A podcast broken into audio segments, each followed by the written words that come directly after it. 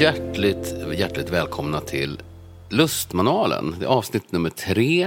Eh, Det är jag, Andreas Grube och du, Elin Börjesson. det här är ju podcasten som handlar om allt det goda i livet. Så det- som ger livet guldkant, eller hur? Intressant.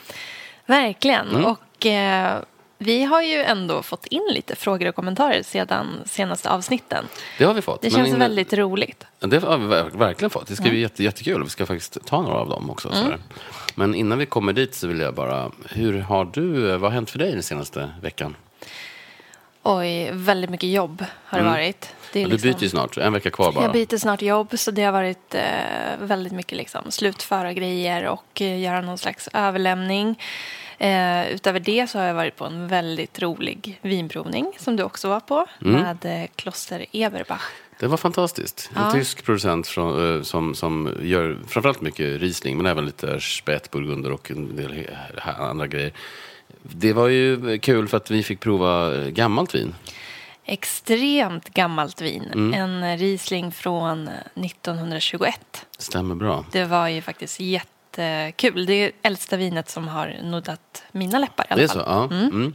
Vad, vad tyckte du? Alltså, jag har inget så generellt att ju äldre ett vin blir desto godare är det. Men vad, vad är din inställning och vad tyckte du om det här specifikt? Nej, men jag håller väl med. Alltså, dels har jag så dåligt tålamod så att jag är dålig på att eh, låta flaskorna ligga, så att säga. Sen kan jag ju uppskatta vin med lite mognadstoner. Ehm, det är en hårfin gräns. Det är en hårfin gräns. Men just det här vinet tyckte jag, det var kul för att det hade fortfarande en spänst i sig. Även om det var väldigt så här torkad frukt och lite liksom övermoget. Ja, imponerande spänst måste jag ändå säga. Men det är också Riesling är en druva som har sjukt hög syra. Vilket borgar för en sorts, eh, Ja, en lång, ett, ett långt liv. Är det någonting man ska långlagra så, så är det ju ändå Riesling. Verkligen, verkligen. Det var eh, superroligt tycker jag. Eh, vi eh, ska idag prata lite grann om fenomenet lus, alltså en lunch utan slut. Men innan vi går in på det, så, så som du sa, här nämnde alldeles så har vi fått in lite, vilket är jättekul, lite kommentarer och tips från, från er lyssnare. Och ni får gärna fortsätta skicka in. Antingen så kan ni bara DM oss eller kommentera på Instagram, Lustmanualen. Ja, men exakt. Ni kan också mejla på lustmanualen.gmail.com. Men med anledning av första avsnittet där vi var i Köpenhamn och härjade så har vi fått en, en kommentar här från eh, någon som skriver att det första man gör, det här vi pratar ju om, om hotell då. Exakt. Den här personen skriver att det första man gör, eh, Ulrika, det första man gör när man kommer in på hotellrummet är en kontroll så det inte finns vägglöss. Glöm aldrig det. Det har jag aldrig eh, kollat Nej, tror jag. inte jag heller. Jag, jag vet att så här, när jag pluggade på Mittuniversitetet i Sundsvall så hade vi problem med vägglöss i eh, studentlägenheterna. Mhm. Men eh, efter det har jag nog aldrig tänkt Jag hade kackerlackor i mitt studentrum i, i eh, eller studentboendet i Göteborg när jag pluggade Journalisthögskolan. För, det var riktigt äckligt faktiskt. Men man var inte lika känslig då kanske heller. Nej. Men, men ändå, det var oskönt. Eh, Sofia kommenterade också en sak som så här, eh, hon skrev att en sak som vi alltid reagerat på är att det oftast bara finns en fåtölj eller sittmöbel på dubbelrum. Även ibland när man bor i de, i de finare uppgraderingarna. Hon undrar just varför, är det inte, och just, eh, undrar just varför det, varför är det så? Jag, jag kan faktiskt benägen att hålla med. Ganska ofta man kommer får in sitta i knät en- på varandra. Ja, en fåtölj, en skrivbordsstol. Det är väl okej, men, men, men om det är ett dubbelrum, modell större, så kan man väl ändå tycka att det borde finnas två fåtöljer. Ja, det är faktiskt. Det har jag inte heller tänkt på. Mm. Nej. Nej. Eller jag, jag har på, eller nu, när, när de skrev det så bara så här, men det är faktiskt det är påfallande ofta. Om man inte bor så här riktigt lyxigt. I en men så svit, svit liksom. eller semisvit. Som en så här större lägenhet. Ja, verkligen. Eh, vi fick också tips då om, an, angående Köpenhamn att ett hotell som kan vara värt att kolla in är Admiral. Klassiskt, pampigt men ändå mysigt hotell med atmosfär. Dessutom ett stenkast från eh, bästa Nyhamn. Det är superbra. Det där är alltid svårt när man ska boka hotell och inte har eh, riktigt pejl på stan. Mm. Eh, då är det alltid bra med den här typen av tips. Verkligen, Admiral. Sen fick jag också tips från, från eh, Jonas som, eh, angående ställen att gå på. Han skriver att Curfew, som nästan är en speakeasy med entré genom en bokhylla typ. Spännande och bra cocktails. Jag blir jättesugen på att gå dit. Åka dit. Det måste vi spana in nästa gång. Jag vill liksom boka en biljett nu och Ja. åka, gå in bakom den där bokhyllan. Eh, sen så, eh, Sofie kommenterar om, om avsnitt två, för då var, höll vi ju på och härjade i fjällen. Eh, Exakt. och hon tipsar om... Och och- skrek i fjällbäck och Ja, på. gud. Att cykla downhill i Åre. Eh, cykla downhill i Åre på sommaren och avslutade go- med godaste ölen på Parkvillan. Eller ett glas vin på Hotell Granen på väg hem i leriga kläder. Låter ju också underbart. Alltså Åre, jag har bara varit där på sommaren och fjällvandrat Ah, okej. i spöregn. Då bodde vi på Copperhill och Det det, var ju helt fantastiskt. Mm. Eh, Jag unnade mig själv en ansiktsmassage, kommer jag ihåg. Det låter underbart. Jag har bara varit i Åre vintertid, men, men jag är sugen på att faktiskt ta mig dit eh, Ja. som, sommartid också. Ja, men just att de har det här spaet. Mm. Det, det är ju liksom den ultimata lyxen att eh, spa loss lite efter en dag i backen. Verkligen. Eh, du, jag har hällt upp ett, eh, ett inspelningsvin. Eh, vår vana trogen. Måste vi ha. Ska så att man liksom- sörpla ordentligt i micken. Så att man fuktar stämbanden och strupen. Det, Man blir så torr av att prata så mycket. Ja. Mm. Nej, men den här veckan så har vi hällt ett, eh, ett rött, härligt, härligt vin. Det heter Tutti i Giorni Rosso. Eh, från en producent som heter Antonio Camillo. Och eh, det här är ju italienska och det betyder eh, Tutti i Giorni, det är så alla dagar. Och det här är ju som ett vin som man kan dricka alla dagar. Till och med idag, du är lite bakis idag.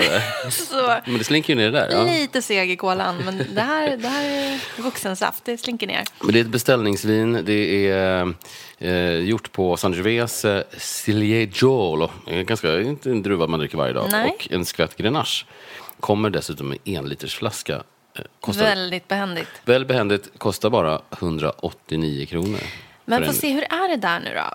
Man beställer dem i trepack, eller hur? Ja, det, det har inte jag koll på faktiskt. Jag, Jag trodde man kunde beställa dem i, i men det kanske är tre mm, Men jag tror det, för jag beställde en ganska nyligen, en batch. Men jag tänkte så här, det här kommer gå åt. Det här är Ja, liksom då- vårens, eh, vårens eh, röda vin som man vill ha hemma. Då tänker man kan man beställa två batcher så man har sex flaskor. För det här är ju ändå, ja, men det är så lätt, juicigt, fräscht.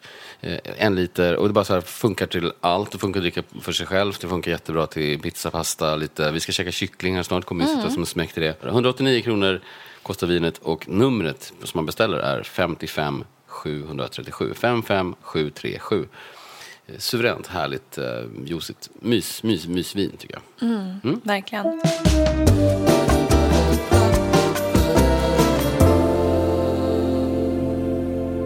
Nej, men apropå vad som har hänt och vad man har gjort senaste veckan så har jag också börjat läsa en bok som heter Cork Dork. Mm. Eh, Efter tips från dig. Tips från coachen? Tips mig. från Mm. coachen. Jag har inte hunnit så långt eh, ännu i boken, men jag blev verkligen fast på en gång. Och är man minsta intresserad av vin och vinvärlden så är ju det här en väldigt lättläst bok att eh, ta till sig. Mm, den är underbar. Det faktiskt. är en författare som heter Bianca Bosker. Och hon skriver väldigt roligt och flyhänt om, eh, om sin upplevelse av vinvärlden. Mm. Hon är journalist i grunden och börjar intressera sig för vin efter att ha varit på en restaurang. Mm. Och ehm, det är någon sommelier som kommer fram och serverar vin och berättar att han ska tävla i vin. Och då blir hon genast eh, lite så konfunderad. Kan man göra det? Tävla i vin? Och utifrån det så börjar hon eh, läsa, anmäla sig till en sommelierutbildning. Hon börjar jobba. Nej, men precis, hon, säger, hon tar jobb som någon källarråtta på någon restaurang och ha, ha, har koll på vinerna och, och, och börjar lära sig den vägen. Och sen så tar hon, alltså, du har kanske inte kommit så långt i boken, men hon åker till Stockholm och intervjuar, vi har till någon forskare som jag inte kommer ihåg namnet på, som är en av de bästa i världen på just det här eh, doftsinne och sådana saker. Och intervjuar honom. Ja, spännande. Eh, och hon börjar så här, infiltrera och ta sig in i olika typer av så blindprovningscirklar i, i, i USA eh, där de liksom, är riktigt bra sommelierer tränar varandra och, och verkligen tar sig in i vinets värld på ett gediget... Hon bara hoppar det, in. Så ja, men det är fantastiskt kul att läsa hur hon eh, tar sig an det här ämnet med hull och hår. Ja. Ehm, och ehm, nej, men det är verkligen en, en bok som jag ser fram emot att läsa nu kommande, kommande veckor. Ehm, men utifrån den här boken så undrar man ju lite hur, eh, hur började du intressera dig för vin?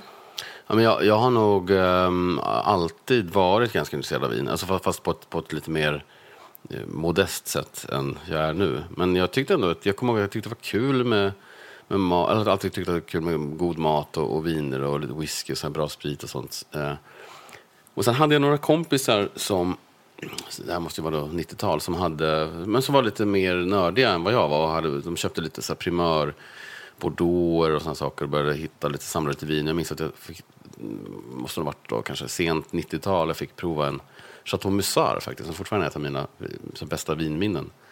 Och blev, man fick den här aha-upplevelsen. Jag förstod att okej, vin kan smaka så här. Jag själv köpte jag kanske mest här, italienska enkla rödviner runt 100 spänn. Men jag tyckte att det var gott. Och man, Jag menar, jag hade försökt hålla lite koll, men, men inte, absolut inte. Men det öppnade nog ögonen för mig.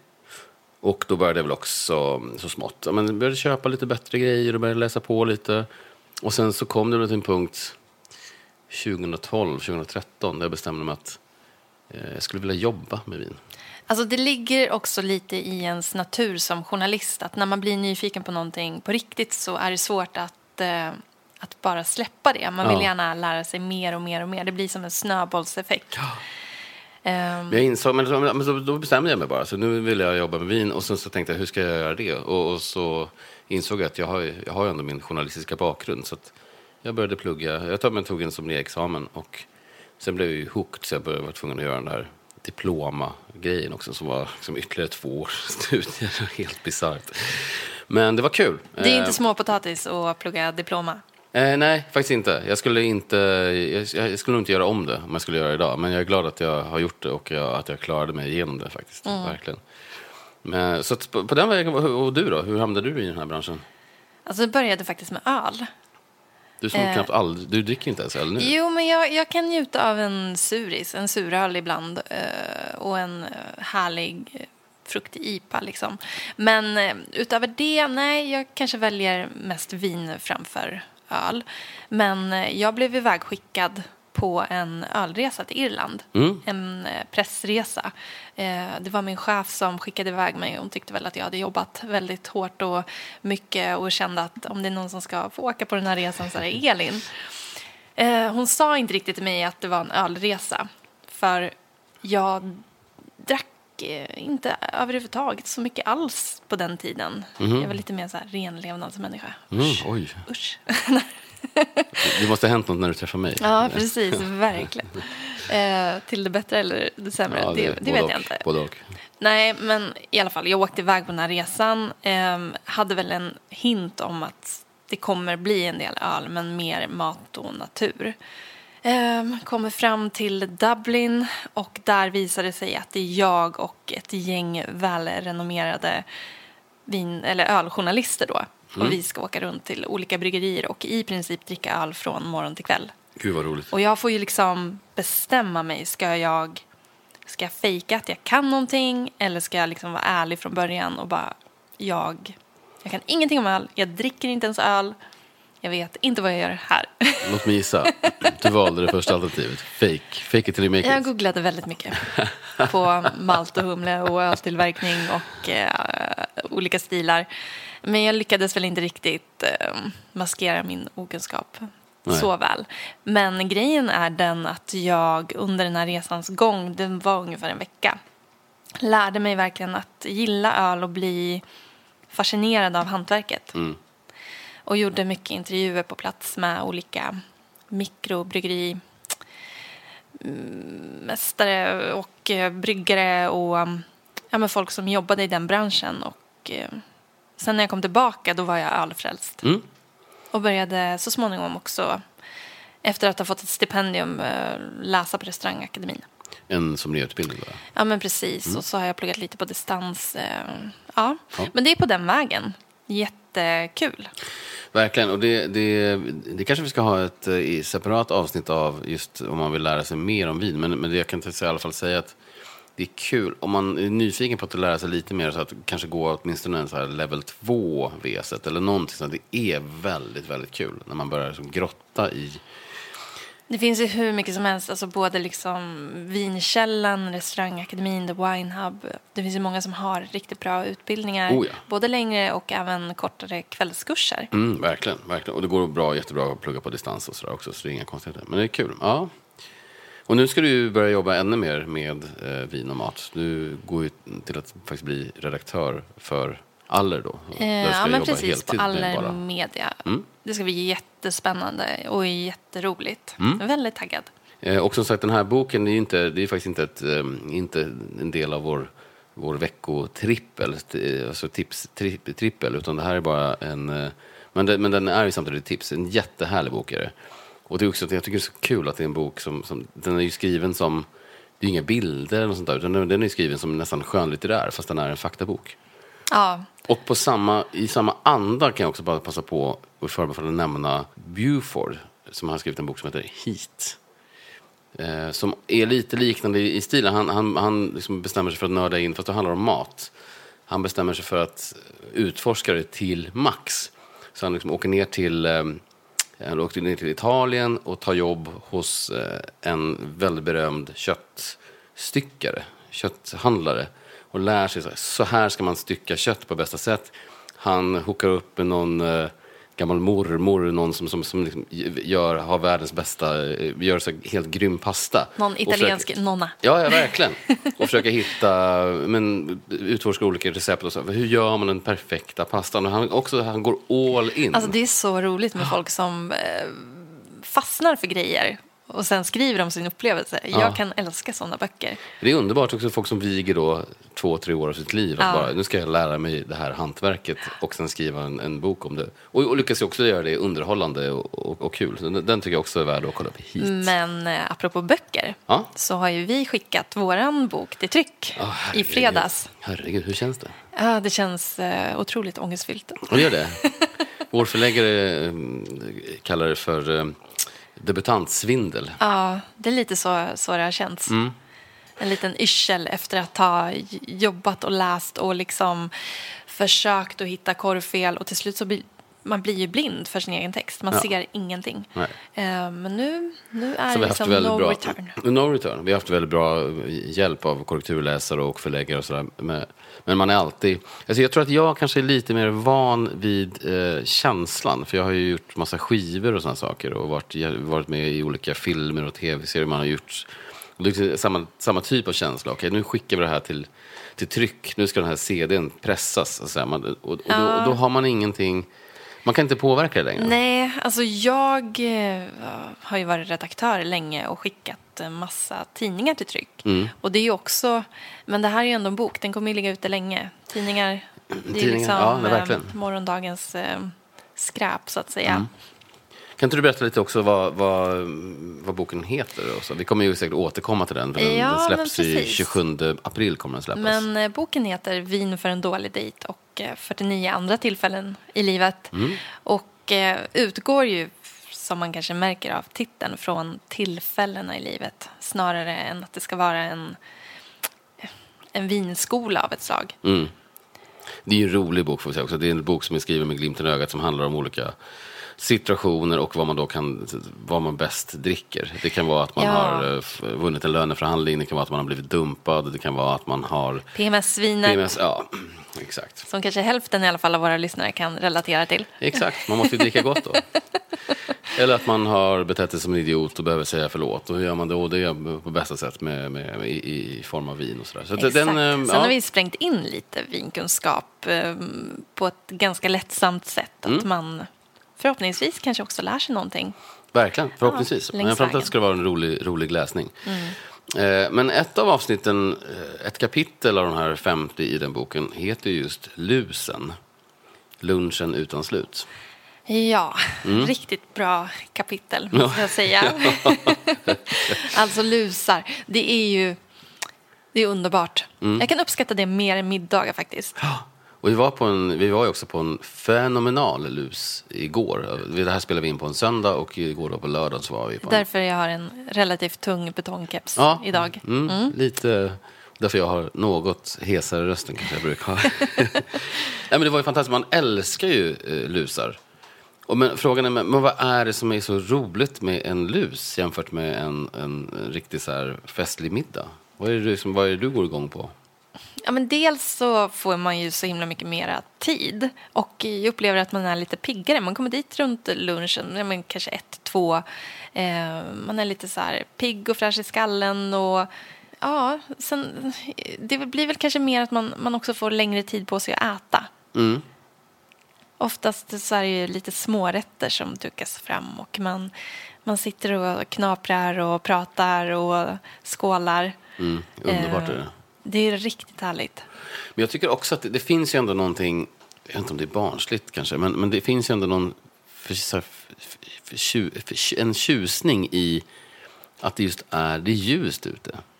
Det, är som att, här, det, det kan ju också handla, även om man inte är en lus, men att här, gå och sätta sig på en pub och typ lite små salongs en eftermiddag är ju mycket härligare än att göra det på kvällstid. Det känns som att man på något sätt flyr från verklig, eller vardagen på ett, på ett ännu tydligare sätt. Ja, men lite så. Det blir, och det är också familjevänligt på ett helt annat sätt. Ja. Igår var det ju en del barn med och jag tyckte att det var urmysigt. Supermysigt verkligen. Och sen så somnade ju de liksom en efter en. Men Och även jag, en annan vuxen somnade. vi blev ju där. Vi var väl där i tolv timmar. ja, närmare nästan det. Alltså, tio Men det var åtminstone. helt uh, ljuvligt. Ja, jätte, jätte, jättehärligt. Och istället för att då trilla in klockan så fem på morgonen som det kanske hade blivit om det hade varit en middag Mm. så är man ändå hemma eh, hyfsad tid. Ja, vi, vi var väl... Ja, exakt. Nej, men det är mysigt tycker jag. Och, och, men det blir som att, eh, ab- absolut, blir, man dricker mycket vin och så, men det blir som du sa, att man, under lång tid. Och att det, att det blir, eftermiddagen, kvällen går ju i, i, i, i vågor, det finns en annan dynamik. För går man på en middag så, då ses man, så kör man så det är fördrink och det, är det, det går enligt ett, ett jämnt schema. Men här blir det liksom som lite små pauser och så försvinner någon iväg och så ja, men går ut och röker lite och står och så snackar man lite och så kommer nästa. Och, ja, men så, så det blir ett, ett roligt flöde och man kan... Ja, men det, är lite, det blir som ett så här rum i tiden Mm. där man inte behöver eh, följa några speciella regler på ett sätt. Mm. Jag tycker det är helt underbart. Jag med. Har du någon, alltså i gårdagen måste jag säga, det var ju otroliga viner. Eh, Det var, det var lite Magnum-tema. Så Ja, men vi var ju också ett gäng väldigt vinintresserade personer så alla hade ju tagit med sig riktigt bra grejer. Det var mycket Magnumflaskor, det Mm. var väldigt mycket bubbel, vilket man inte tackar nej till. Nej. Ehm, Mycket rödrer var det. Ja, det var det. Fyra flaskor röder av de här uh, bubblorna. Men det var, är underbart. Och eh, några flaskor med lite äldre årgångar. Mm. Ja, det var jättekul. Eh, men har du något, förutom, förutom gårdagen, har du något, här, något riktigt starkt lusminne som du kan dela med dig av? Ja, men det skulle nog vara när jag och några kompisar bestämde oss för att ehm, Hälla upp, toppar upp Ja, lite det här i här härliga ljudet. Um, nej, men ha en lång lunch eh, på en innergård. Mm. Det är ganska mysigt. Det var på Södermalm och vi hade liksom utsikt mot Tantolunden. Och tanken var från början att det bara skulle vara en, ja, men så här, en längre lunch på kanske tre timmar. Mm. Men vi blev ju kvar till kvällen, vi tände någon brasa och eh, någon gick och köpte korv som vi grillade som lite vickning. Det var helt underbart. Det var så sommarkväll och det var tropisk värme och eh, på den tiden drack vi förmodligen bara pissviner men det, i den stunden smakade allting jättegott. Ja, det är ju ljuvligt. Det är fantastiskt. Men det är också det här att man hinner på ett sätt prata klart eh, när, man, när man har en lång lunch istället för en middag. För det blir ju ändå...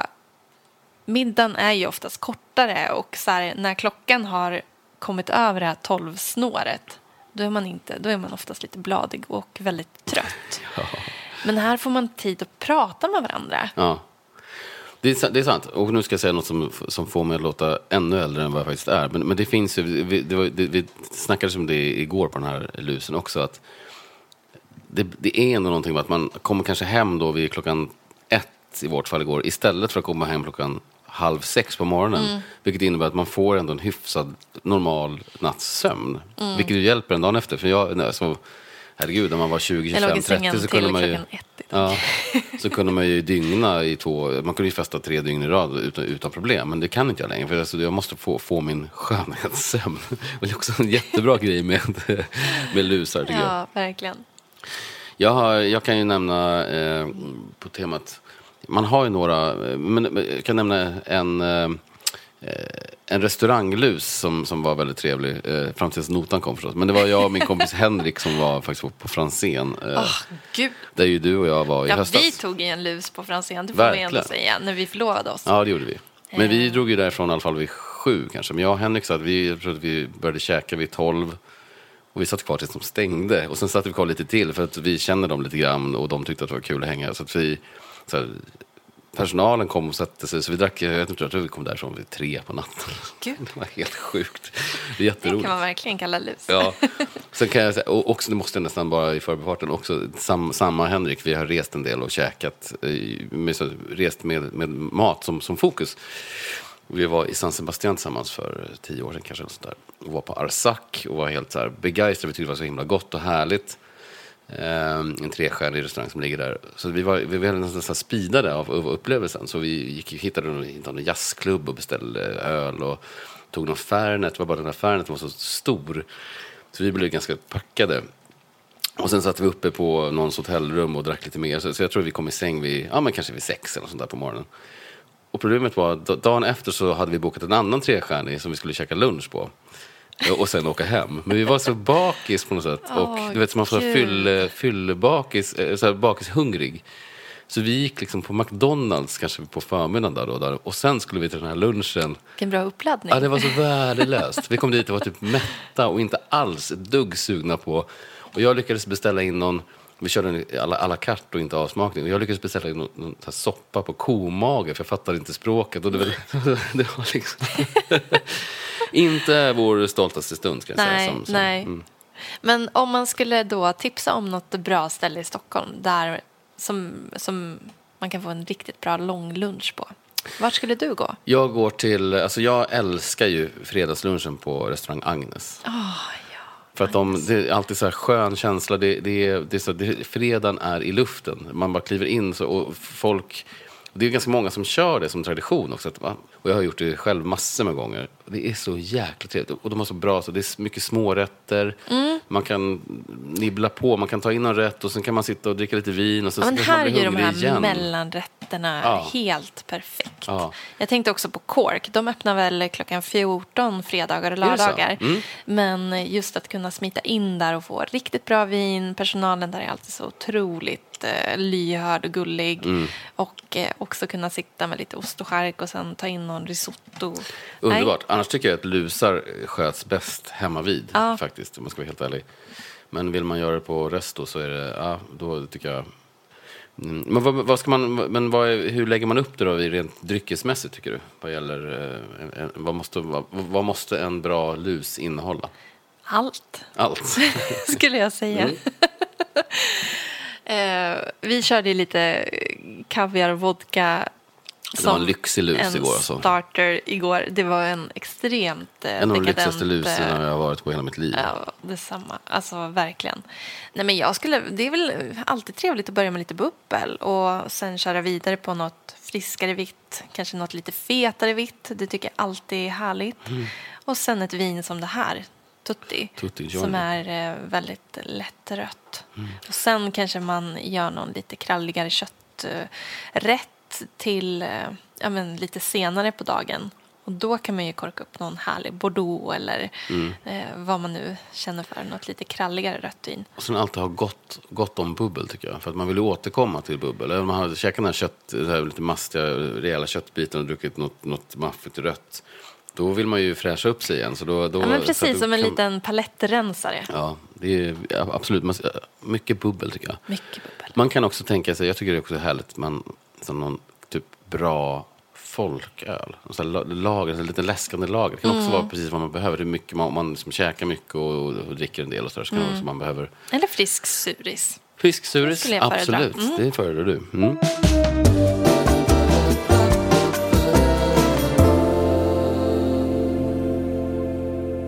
Elin, ska vi eh, ta och ge oss in på eh, veckans trippel? Det tycker jag. Vi måste hitta ett bra namn för det här. Ni, Trippel ni känns lite så här ja, Bingolotto. Verkligen. Triss känns också... Om ni har, ni som lyssnar, om ni har något bra tips. Guldkantstrippel, jag vet inte vad jag ska kalla det för. Det är tråkigt, vi måste hitta något roligt namn för det. Ja, kan jag göra en töntigt. specialvinjett till det också. Den som... eh, Ja, vi kanske ska utlysa en tävling om det. Vi får fundera på det. Men Ja, har men ni bra, bra, bra tips så får ni. Det, det är jag Flarra som får börja där, va? Absolut, jag är jättenyfiken. Ja, det Ja. kan jag tänka mig att du är. Eh, nej, men jag har den här veckan så tänkte jag börja med att tipsa om ett magasin som jag eh, själv köper väldigt ofta. Jag har också gett dig en prenumeration på den tidningen, vill jag minnas. Mm, ja, det är nämligen precis. tidningen Skriva. Det är också med anledning av att vi har skrivit klart den här boken. Eh, jag har läst den här, jag älskar att läsa den. För att den, den vänder sig till alla som, som skriver eller vill skriva i någon form. Jag tycker att den är så... Det, man blir ju rätt trött på sig själv emellanåt. I sitt eget skrivande och, och hur- hur... Och där, där tycker jag att den här tidningen har... För det är, det är intervjuer med författare, det är lite så här skrivskolor, de, de pratar med olika förläggare. Och det är, det är mycket fokus på så bokskrivande, men, i- men, men även skrivande i allmänhet. Jag kan bli så här sugen på att skriva när jag har läst tidningen Skriva. Mm, och det kan man ju behöva i alla fall vårt yrke. Där Ja. man, som du säger, man blir lite trött på sig själv. Man kanske typ hamnar i samma gamla hjulspår vad gäller upplägg på olika texter och så vidare. Ja, men bra tips. Mm. Finns på de, flesta pressbyråer och sånt där. Om man inte känner för att prenumerera så kan man köpa lösex. Sen, eh, tips nummer två dök upp lite, lite plötsligt. För jag träffade en, en kompis tidigare i veckan som heter Johan och vi började prata om Eh, nu vet man ska lista så här, men di- dina tre bästa skivor och dina tre bästa konserter hamnar vi in på. Och då kom jag på att jag 1993, tidigt, såg ett band som heter Bob Hund. Då var jag tre år. Då var det tre år. Såg ett band som heter Bob Hund. Som, som då höll på. De hade inte riktigt breakat, det är ett svenskt band. Eh, inte breakat, men, men höll på. Och, för då bodde jag på Lidingö och det fanns ett ställe där som hette Elverket som var en sorts eh, klubbscen. Och de här Bob Hund, man har bara så här, man hört, så här, man, har ni hört att vi, och De skulle ha ett showcase, och så har en spelning på det här Elverket. Och jag och några kompisar var där. Och det är så att det är en lokal som kanske tar tusen pers, eller åtminstone 500. Och det var kanske 50 i lokalen. Det var väldigt så här, tomt, man kände av att, det- och, och, och också ganska mycket musikfolk i de här 50 manna starka eh, publiken. Vilket alltid är lite obekvämt. Man har ju varit, stått på scenen i sådana sammanhang själv. Eh, och tycker alltid att det är rätt, rätt vidrigt. Men alltså de, de knockade alla. De körde på fullt. De har en sångare som heter Thomas Öberg som sjunger på sin väldigt säregna skånska. Ja, precis. Men han, du vet, så här, de, de, de bara körde på. Han klättrade i, i, i högtalarriggar. Så kastade sig på knän och så här, gled fram till folk. Så här, så här, tri, trista A&R-personer som skivbolag som stod och var lite så sura. De bara, och alla gick därifrån och var... Nej, gud vad Alltså det här kommer bli så stort. Och det Ja. blev det ju. Så Ja. de, de, har, de har ju verkligen breakat. Men, då, men det var så kul att jag bara dök på det. För jag har också börjat lyssna igen på Bob Hund. Jag har inte lyssnat på dem på ganska länge. Alltså det är fortfarande ett sånt jävla bra band. Älskar Bob Hund. Så att det, det, jag kan lägga upp också några låtar. De har ju så, så roliga titlar. Tralala eller Molntuss. Ja, Kom hit precis. få en puss. Och det skulle vara lätt för mig att säga att jag inte hittar hem. Men det gör jag tror jag. Och så vidare. De är, jag kan lägga upp kanske fyra, fem favoriter i vår Rakt in i spellistan. Mm. Och var hittar man den förresten? Spellistan? Ja, men precis, den finns på Spotify. Det är bara att söka på Lustman Alen så dyker den upp. Mm. Den ligger också som en sparad höjdpunkt på vårt Instagramkonto, Lustmanalen. Så att man enkelt kan klicka sig vidare där. Klockrent. Och det finns ju redan lite bra låtar på den där. Och nu kommer det växa med några Bob Hund-låtar också. Ja, Mm. precis. Tredje och sista tipset från min sida idag är korv. Det är korvens dag idag. Är det? Det visste jag inte Ja, ens. det är det. Ja, det är helt sjukt. Det var det. faktiskt bara ren, ren slump. Eh, men korv i allmän, men Günthers korvar i, i, i synnerhet. Det finns ju en väldigt berömd korvkiosk på Karlbergsvägen i Stockholm som heter Günthers korv. Som är, alltså oavsett när på, på dygnet man går dit, när de har öppet då vill säga, så är det lång, lång kö. De har helt grymma korvar och så har de en, en, en, en någon sorts så här, lite stark sås som är deras någon sorts hemlig eh, men hemligt recept så vidare, som man inte, men den den är stark och god och man får med sig surkål till det. Är så underbart. Alltså, jag har ju ändå jobbat där i närheten länge när, Bonn, alltså, när vi på magasinen satt i Bonnierhuset. Det var Ja, inte det. så långt ifrån. Men jag mm. lyckades aldrig ta mig dit för att köpa en lunchkorv. Nej, vi ska gå dit. Man får ta, en man liten får, vårpromenad, gå Mm. förbi den här man får korven. ta tid på sig för det är alltid, alltid lång kö. Men det, det är också värt väntan. Och den här är ju, den har förekommit i, i tv-serier och i romaner. Vet, Leif GW öppnar någon hel roman med, eller någon så här, en av hans deckare med att eh, någon kommissarie gör ett besök på Günthers korvar. Och så. ja, underbart, På älskar korvens stället. dag, ett utmärkt korvtips. Du då Elin, vad har du för tips idag? Ja, men eh, jag har två poddar och eh, en liten vinnyhet som jag ska snacka om. Jag kommer börja med en podd som heter Dynastin som är Svenska Dagbladets podd. Mm, så bra. Ah, otroligt. Och det handlar ju om eh, Stenbeck-familjen. Mm. Eh, jag tycker att det är så spännande om man ska återkoppla lite till första avsnittet. Just att eh, det finns inga bättre historier än de som kommer från verkligheten. Och att man får, eh, får dyka in i den här familjen. Och eh, det är en eh, journalist som heter... Han heter också Jan Almgren. Jan Almgren Mm. heter han. Och han har gjort ett gediget eh, jobb med den här podden. Det är en jättebra gjord podd. Det är bara Han hatten av verkligen. Det är inte alla i den här familjen som vill ställa upp på intervjuer. Vilket man också kan förstå. Men han intervjuar eh, en av Jan Stenbecks döttrar. ehm, Sophie heter hon. Um, han pratar också med Jan Stenbecks uh, okände son. Som har haft mycket missbruksproblem. Um, ja, men det är en familjehistoria som rullas upp. uh, som är otroligt spännande och uh, man inser att pengar är verkligen inte allt. Nej, och sen så får man också väldigt, jag tycker i de första två avsnitten man får väldigt roliga inblickar. Han var ju, Jan Stenbeck var ju en, en väldigt speciell person. Eh, excentrisk och eh, larger than life på många sätt. Både, eh, men, men det är också kul, man får få de här små historierna kring hur saker och ting gick till i olika förhandlingar och hur det gick till internt i chefsleden. Och vissa Och fester att som har ingenting varit... gjordes med måtta. Nej. Nej. Och vissa fester som de hade haft och lite sådär. Mm. Så, men han är ju en mytomspunnen person och man får... Ja, Ja, jättebra. men på. riktigt spännande. Man får Mm. en inblick i svenskt näringsliv och eh, även i den här familjen. Mm. Det är en person som är intervjuad i den podden är ju också en, en journalistförfattare som heter Per Andersson. Inte den roliga göteborgaren utan en, en, en, en, helt annan person. Och det kan jag också tipsa om för han har skrivit en biografi eh, om Jan Stenbeck. Mm. Som vi också har i bokhyllan. Och, och, och, och, så den kan man också kolla upp om man vill veta mer. Ja, Det är också jätte, jättebra bok. Och det här är ju då, jag tror att det är två avsnitt som ligger ute gratis på Spotify. Men om man vill lyssna vidare så får man eh, köpa ett abonnemang på Svenska Dagbladet. Men jag tycker att det, det är De- väl värt. Det här är riktigt bra journalistik. Ja, och de har ju också, förutom Dynastin så har, har Svenska Dagbladet också gjort jättemånga andra bra dokumentärer. Mm. Eller, jag lyssnade på en ganska nyligen om den här... ehm, Just det, den här Youtuben. Ja, precis. Som jag inte kommer ihåg namnet på. Rasmusson tror jag. Just det. Mm, jag minns inte heller. Men, men och de, är även en massa, de är otroligt bra, väl genom, genomarbetade, eh, seriös journalistik. Eh, så att, ja, det är väl värt att abonnera på tycker jag. Eh, Jag har också lyssnat på en podcast eh, som är åt det lite mer lättsamma hållet som heter Table Manners som drivs av artisten Jessie Ware och hennes mamma. Vad kul. Ja, och den handlar ju om, eh, lite som namnet kanske avslöjar, mat och eh, matminnen och eh, relationer till mat. Vad roligt, den har jag aldrig hört. Jag har aldrig hört talas om heller. Så det måste jag kasta mig in och, och, och lyssna på. Ja, men precis. Och det är så mysigt att det är just så här, hon och hennes mamma. För de gillar både matlagning och eh, kulturen kring mat. Och då intervjuar de olika artister. Alltså det är riktigt stora namn. Paul McCartney, det är Dolly Parton, hon pratar liksom med Ed Sheeran. Eh, frågar dem om deras bästa matminnen. Och Vad roligt. vad lagar du på en söndag? Vad åt du till frukost i morse? Alltså det, genom att så här, gå via maten så kan man lära sig ganska mycket om en person. Mm, verkligen. Jag tycker att det är en sån rolig ingång.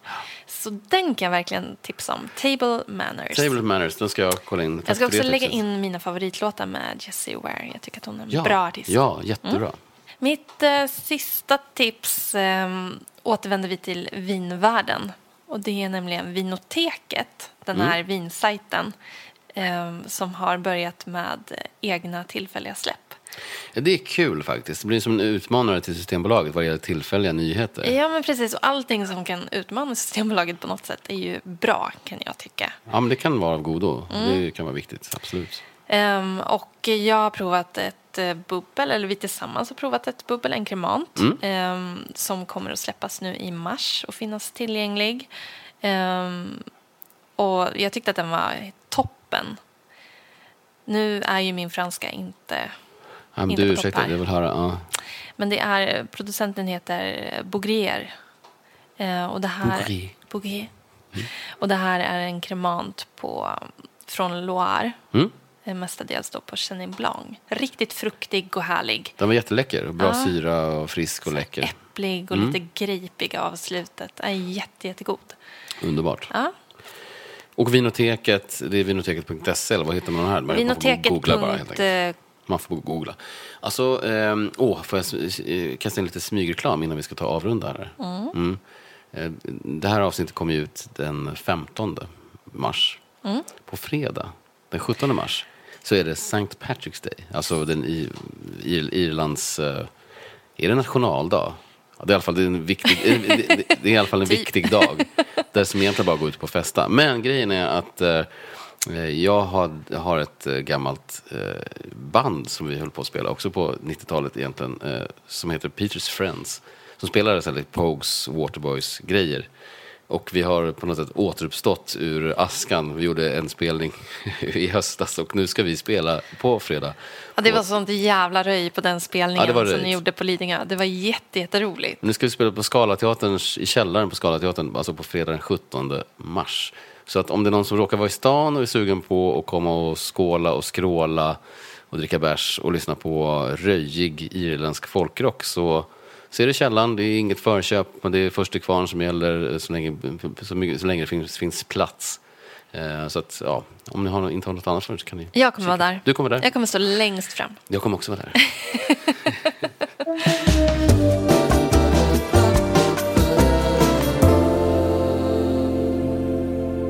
Ja men du Elin, det här var ju mysigt. Ehm, tiden flyger fram när man har roligt, som den alltid gör. Verkligen. Vi har en kyckling i ugnen som vi måste plocka ut och Mm. plocka isär. Och tack till alla som har lyssnat och det är så kul att ni eh, DMar oss och hör av er och kommenterar våra, är våra posts och sådär. Och fortsätt gärna med det. Har ni kom- tips på typ bra så här, lusrestauranger? eh, kanske, jag vet inte, vintips? Det kan vara allt möjligt. Högt och lågt. Böcker, Hör filmer, eh, promenadstråk, vad det nu kan vara för någonting. Vi vill, vi vill höra era, er, vad som ger er guldkant i tillvaron. Så kan vi också förmedla det vidare till, till alla våra lyssnare. Jätteroligt. Och eh, vi, lustmanualen at gmail.com eller lustmanualen på, på Instagram. är ju där man når oss. Japp. Tack för idag och eh, skål och kram.